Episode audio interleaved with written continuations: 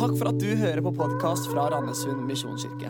Denne talen er spilt inn på en av våre gudstjenester, og vår visjon er å hjelpe mennesker til tro på Jesus og et liv med Han. Gå inn på mkirken.no eller Randesund misjonskirke på Facebook for mer info. Dette her har jeg vært litt spent på. Det å stå her og tale til dere over Facebook og YouTube, det har jeg kjent Det har jeg det har meg litt. Og Jeg er egentlig sånn type som har gjort mange ting i livet, så ofte så er jeg ikke så veldig nervøs. Men det er i dag. Men eh, jeg vet at når vi kan legge alt det også til Herren, så er det godt at jeg kunne gjøre med denne situasjonen her også. Jeg skal snakke i dag om kraften i det å lovprise, eller kraften i det å tilbe. Og Dere som kjenner meg, dere vet jo at dette har jeg holdt på med hele mitt liv. Eh, musikk har vært en viktig del av mitt liv. og Jeg har jobbet på Ansgarskolen i, i 25 år. og Det har handla om musikk og lovsang og tilbedelse og kor. Og, og, og det, dette er hele meg. Derfor når jeg ble spurt om å kunne tale om kraften i lovprisning eller kraften i tilbedelse, kjente jeg det er meg. Dette er mitt liv, og dette vil jeg så veldig gjerne dele noe om. Og For å gjøre det så, så, må jeg gjøre det litt større enn å snakke om sang og musikk. Men jeg skal snakke om sang og musikk. Jeg er nødt til det også. Men det som ligger bak sang og musikk, eller for den saks skyld dans, det er ofte begeistring. Det er glede. Det er på mange måter spontanitet. Det er det på en måte å være takknemlig, som ofte gjør et uttrykk at vi gjør det med at vi synger, eller kanskje danser, eller hva det skulle være. Og Bibelen den er full av henvisninger om å takke Gud og om å glede oss i Han. Og, og, og, For at jeg skal undervise om dette her i dag, så er jeg nødt til å ta med noen av de henvisningene og la det ligge i bunnen. For ellers så gir ikke det jeg har mening. Er dere klar? Det er mange henvisninger. Jeg starter i Filipperbrevet 4,6. Der står det 'Vær ikke bekymret for noe'. Ja, Det er veldig lett, men det står. Men legg alt dere har på hjertet, framfor Gud. Be og kall på ham med takk. Det står noe om takk, og det står noe om å ikke være bekymra. Jeg skal snakke mer om dette senere, men vi vet jo det betyr ikke at vi aldri er bekymra. For jeg er bekymra, og det er du ofte. Noen ganger mer enn andre. Men det handler om at vår bekymring kan vi gi en annen adresse og si 'Herre, ta det'. Og så skal vi heller si takk Gud for at du tar det. Salme 106 sier sånn Takk Herren for at Han er god. Ja, vet vi at Gud er god? Vet du at du er elska av Gud? Vet du at Gud ser til deg i alle situasjoner? Vet du at Gud har omsorg for deg. Vet du at Gud er med alle dager, i gode dager, i onde dager? Salmen sier 'Takk, Herren, for Han er god'. Altså Igjen står det om takk. I 1. Tessaloniker 5, vers 16-18 står det 'Vær alltid glade'. Ja, Det er vi også alltid. ikke sant? Be uavbrutt. Takk Gud under alle forhold. Å være glad her gjenspeiler, eller henspeiler til noe som også står i Filippabrevet 4,4. For der står det 'Gled dere i Herren'. Det er ikke det samme som at du alltid er glad, men å glede seg i Herren. Og det tror er det de gjenspeiler her i, i 1. Tessalonikerbrev også. Det handler om å glede seg over det som Gud har gjort for oss. Det betyr ikke at vi alltid har overflod. Det betyr ikke at vi aldri er bekymra. Det betyr ikke at alt alltid er på stell. Det betyr ikke at livet alltid er en dans på roser, for sånn er ikke livet. Livet er noen ganger utrolig urettferdig. Og livet er noen ganger faktisk utrolig kjipt. Men vi kan glede oss over at i det kjipe er Herren. Hører dere det? Og vi kan glede oss over det Gud har gjort for oss. Ja, hva har Gud gjort for oss? Han har gitt seg sjøl for vår frihet. Dette er evangeliet, men vi skjønner det jo ikke. selv om vi har hørt det mange ganger. Han har sagt er med dere alle dager', også denne dagen her. 21. juni, så er Herren med. Og vet du noe? Denne dagen er egentlig en fantastisk dag. Du har sikkert ikke tenkt på det, eller kanskje du har det. For i kveld skal menigheten samles fysisk for første gang på flere måneder. Det er plass til 200. Hjertelig velkommen. Det er kveldsmøte, men nå er det formiddagsmøte, og den er på Facebook. Men det å glede seg over det Herren har gjort, det er mulig selv om livet er kjipt. Og Da flytter vi fokus vekk fra det vi står ut. Så løfter vi blikket til noe som er større, og sier takk, Gud, for din omsorg til meg, selv om jeg akkurat nå kjemper og glede seg over det Gud har gjort. Og her ligger en nøkkel. Og Dette skal jeg komme mer tilbake til i slutten av talen. Men nå har jeg lagt på en måte litt om hva lovsang handler om, og tilbedelse. Og dette er det jeg vil kalle for lovsangens innerside. Men før jeg skal snakke mer om den, så skal jeg se på det vi kaller, som jeg kaller for lovsangens ytterside. Og Du lurer, lurer kanskje på hva det er. Det kommer snart. Men før jeg gjør det igjen, skal jeg lese det som sånn sett er dagens tekst. Jeg har hatt mange henvisninger nå, men nå kommer det som på en måte hovedteksten. Det står i Apostelens gjerninger, kapittel 16, vers 25 og 26. Og Det er en historie som sikkert noen har hørt om før mange ganger, og noen kanskje aldri har bedt seg merke i. Men det handler om Paulus og Silas. De er på en misjonsreise. De har reist fra der de kommer fra, og de har reist til Makedonia, eller til Filippi, som er en del av Makedonia. De kommer der som misjonærer, eh, og de treffer ei dame som heter Lydia. Som ble kristen holdt på å si, nesten en gang de kom. og Hun har nesten venta på at de skulle komme. Hun tar imot Jesus, hun og sin familie. Mens de er her i byen, så, eh, ja, så kommer de hen for en situasjon hvor det kommer ei slavinne som det står var besatt av en spådomsånd. Og Hun sier at eh, og hun som, Han som er tjener for henne, han som på en måte ja, eier henne, på en måte, hun er jo på en måte slavinne, han tjener mye penger på at hun spår. Men hun ser de komme, og så sier hun disse folkene jeg tjener for den høyeste Gud og forkynner dere veien til frelse. Og så synes jeg dette er litt rart, det som skjer. Men da står det at Paulus ble sinna. Han ønska ikke at hun skulle si det. Jeg tror Han bare ville forkynne ordet. Han tenkte jeg trenger ikke det her. Så det står at Han snudde seg og sa til ånden jeg befaler deg i Jesu Kristi navn, far ut av henne. Og så forlot ånden henne. Og så står det at Han som eide denne slavinnen, ble sur, for han mista inntektsgrunnlaget sitt. Jeg skjønner jo Det det var ikke lett for han da. Og Så får han hele folket med å si at disse folka her de skaper opprør, og de skaper trøbbel. De er fremmede, eller de er kanskje innvandrere. De er kanskje ikke født her. Dette utfordrer oss, for sånn kan vi jo noen ganger si. De er jo ikke som oss så får han satt de i fengsel. Og Der sitter de, disse stolte misjonærene, i fengsel. Jeg har aldri vært i fengsel. Jeg har vært på besøk i fengsel. Jeg har vært på besøk faktisk i, i et eh, russisk fengsel som, eh, som, sånn sett lå i Latvia. Jeg har sett åssen de forholdene er. Jeg har sett masse nød. Men jeg har aldri vært i fengsel sjøl. Men jeg tenker at hvis jeg ble bura inne, som vi sier, havna i fengsel, og jeg, det var urettferdig, så hadde jeg blitt litt sur. Jeg hadde kanskje blitt litt fortvila og sett jeg sitter i fengsel! Men hva gjør Paulus og Silas når de kommer til midnatt i fengsel?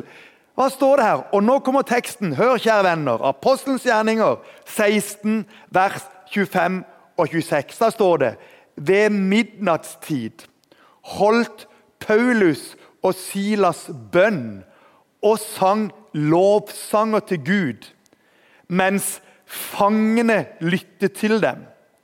Med ett kom et jordskjelv så kraftig at grunnmuren i fengselet ristet. Straks sprang alle dørene opp, og alle lenker falt av. Altså, det er midnatt. Og hva begynner de når de sitter i fengsel, når de sitter i nød? De begynner å takke. De begynner å tilbe det som er større enn seg sjøl. De retter blikket opp fra sine egne omstendigheter, fra sin egen nød, og sier det fins noe som er større enn min situasjon, og det er Gud. Og det tenker jeg, Her har vi noe å lære. Vi kan tenke det fins noe som er større enn mine utfordringer. Det fins noe som er større enn det jeg står i akkurat nå.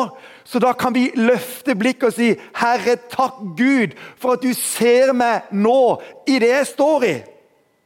Og det gjør de. De begynner å takke og be og synge lovsanger til Gud mens de sitter i fengsel. Dette er teksten. Og dette sier noe om hva lovsang og tilbedelse skal være. Det handler, handler ikke om noe vi bare gjør når vi er bekymringsløse, eller når alt er vel eller alt er greit. Det handler om noe mye mer enn det. Det handler om å vite at Gud er hos deg alle dager. Og at når vi kommer sammen holdt jeg på å si, når vi kommer sammen her i kveld og kan tilbe Herren sammen Jeg gleder meg. Vi kan tilbe Herren sammen og takke Han for at Han er Gud og den Han er. Men jeg skal som sagt komme mer tilbake til det.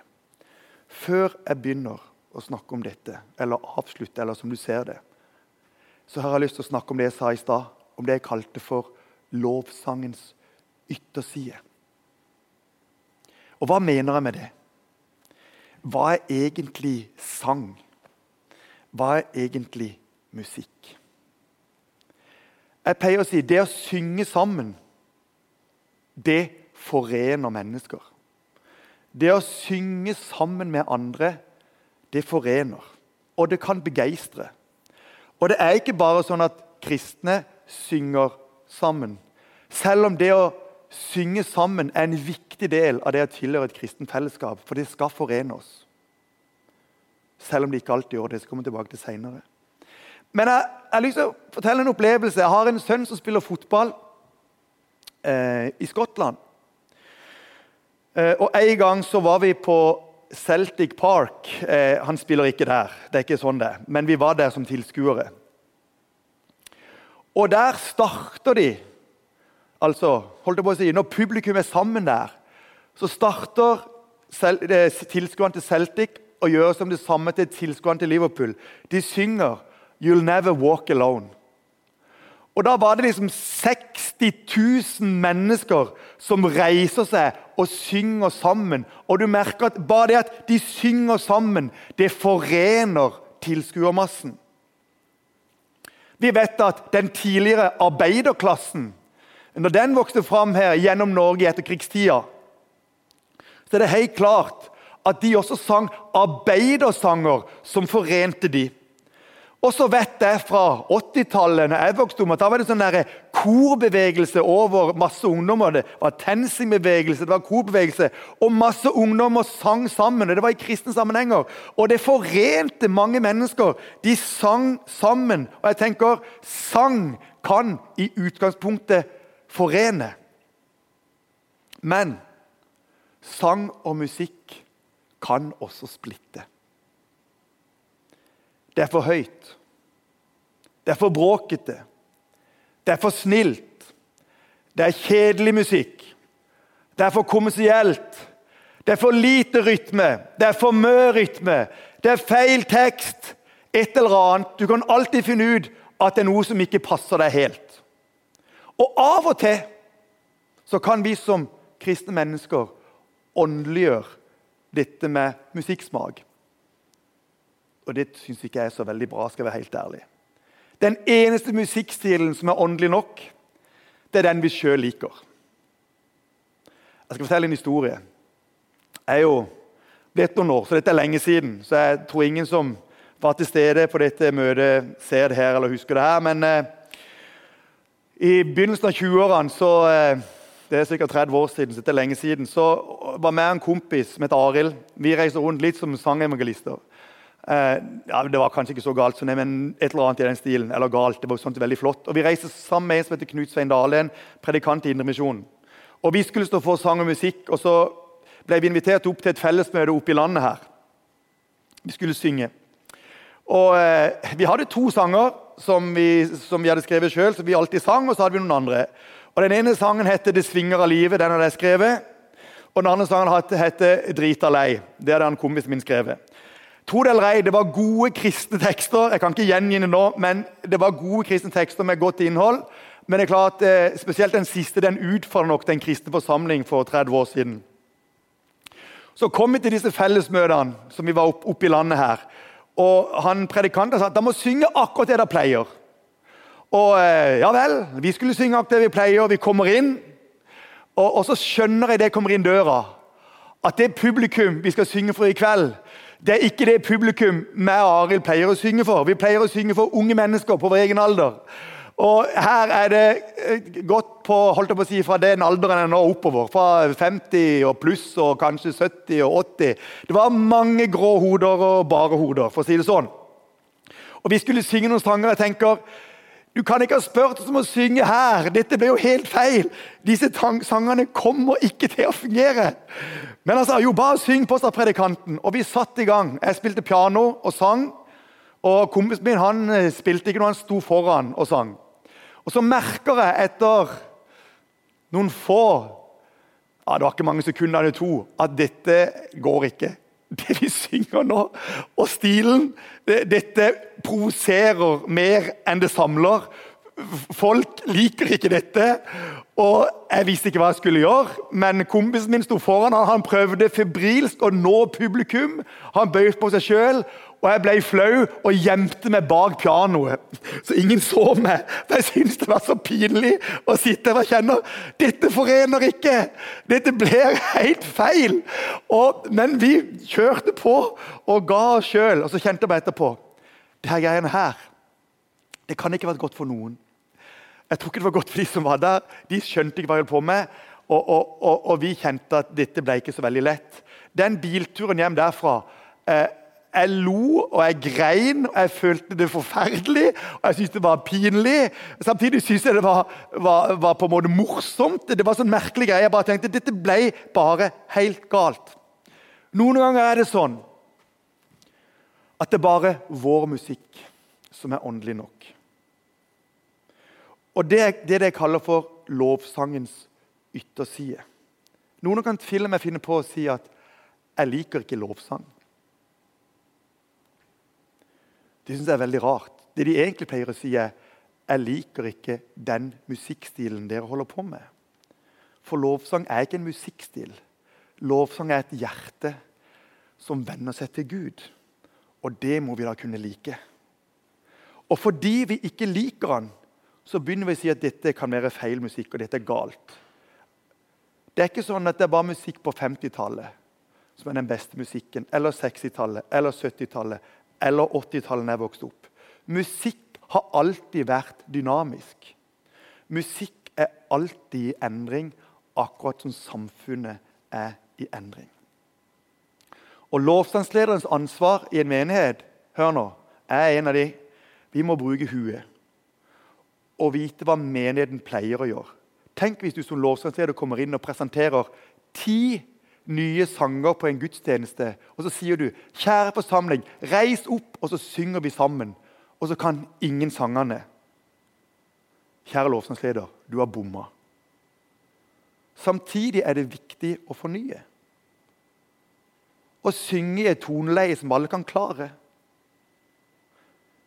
Det er viktig å kjenne menigheten du skal i, eller operere i, og vite hva som synges der, så du kan lede menigheten i en retning når det gjelder sang og tilbedelse og lovsang. Samtidig så må menigheten være villig til å la seg fornye og strekke seg og bære over med at ikke alt er sånn som du sjøl ønsker at det skulle være men opplev at hvis du gir av deg sjøl inn til dette og våger å synge med på de sangene som kommer, og lære de For her i, i Randesund så har vi et plan på det. Er med og styrer dette. De sange, sangene kommer igjen. Om de er nye, så kommer de tilbake for at de skal lære dem. Og sier vi skal sammen være med og synge og tilbe Gud. Det er, lovsang, det er, det er lovsangens ytterside. Stil, form. Det går det an å gjøre noe med. Men det mest spennende, og da går jeg inn for det som kommer, det er hjertet, også det siste jeg går inn i, det er lovsangens innerside. Det er en økonom som sa det. Jeg fikk et spørsmål. Hva kan du gjøre for å bli, for å bli rik? Så sa han, og var engelsk han her, If you wanna be rich, it's a long answer. Men så sa han, If you wanna feel rich, be thankful. Vi er inne i noe her. Hva er det å være rik i Gud? Det er å takke Gud for alt det han har gjort, under alle forhold. Og der er kraften. Dette er 1. Tessalonikerbrev 5,18, som jeg siterte i begynnelsen. Å takke Gud under alle forhold. Å takke Gud i motgang. Å takke Gud i medgang. Under alle omstendigheter. Det gjorde Paulus og Silas i fengsel. Å glede seg over det Gud har gjort, og være takknemlig for det du har, istedenfor å tenke på alt du ikke har. Altfor mange ganger i livet så tenker vi på hva vi mangler, og hva vi ikke har, og hva vi ikke kan, og hva vi ikke har fått til, og hva vi ikke har lykkes med, og hva vi ikke eier, istedenfor å si 'Hva har du?' Takk Gud for hva du har. Takk Gud for at han ga sitt liv for deg.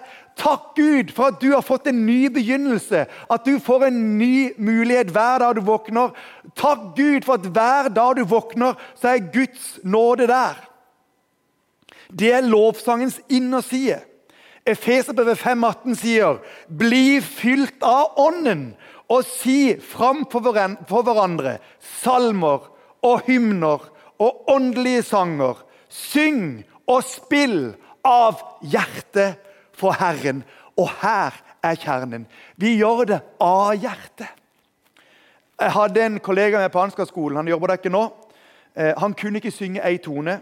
Men en gang jeg holdt på mens han var ung, så var det en eller annen eh, som kom med en sånn profeti over oss. Han sa han skulle bli lovsangsleder. Han sa det er det mest feilaktige profetiet noen gang har fått, for jeg kan ingenting. Jeg blir ikke lovsangsleder. Nok om det. Men han sa alltid Syver, jeg kan ikke synge. Og du er lovsang, så synger jeg ikke med. Men vit én ting. Jeg elsker lovsang. Og jeg synger alltid med i hjertet mitt. Hjertet mitt synger alltid med. Vi er inne i kjernen. Hva er lovsang? Det er når hjertet vårt vender oss til Gud og sier, 'Herre, takk for det du har gjort for meg.' 'Herre, takk for din trofasthet.'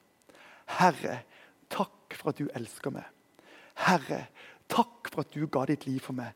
'Livet ble kanskje ikke helt sånn som jeg tenkte, men takk for at du er trofast og gir meg en ny begynnelse og en ny mulighet.'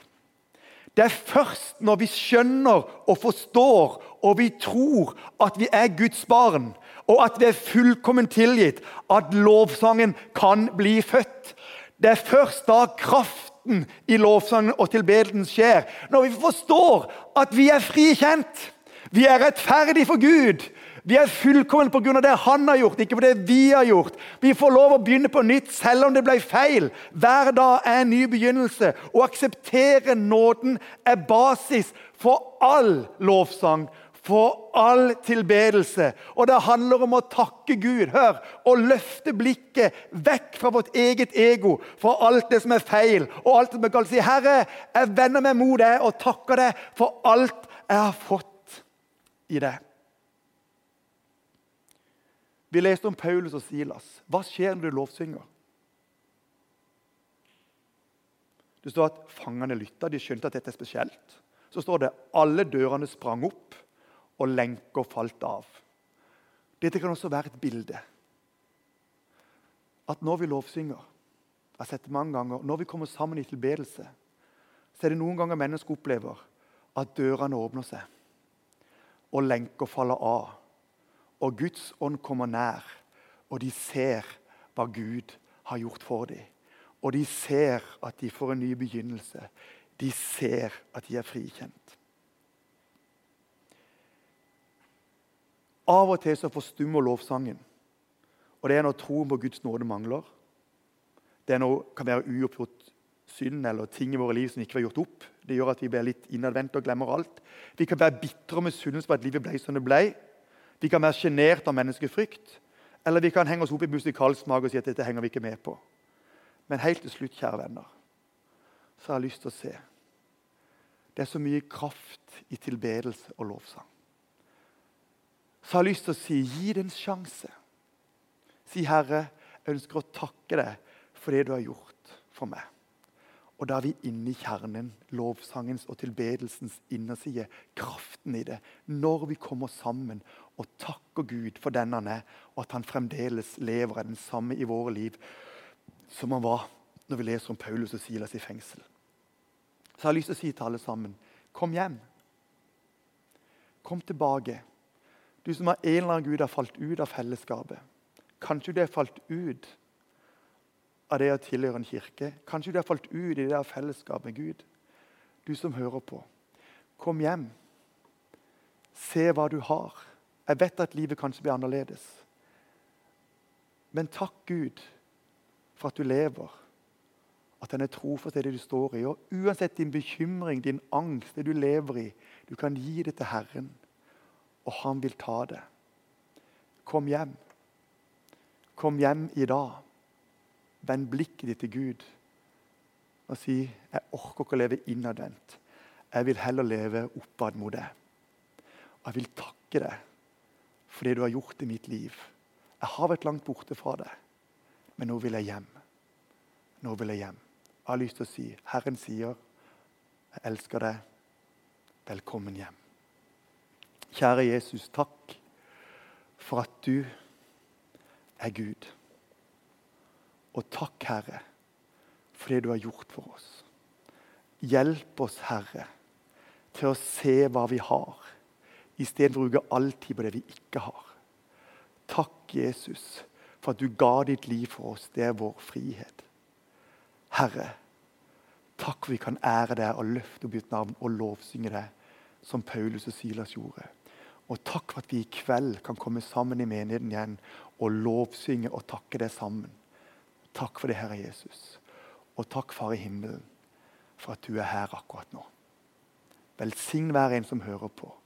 Se til hver en som hører på dette akkurat nå, og gi av din fred. Jeg ber om det, Herre Jesus.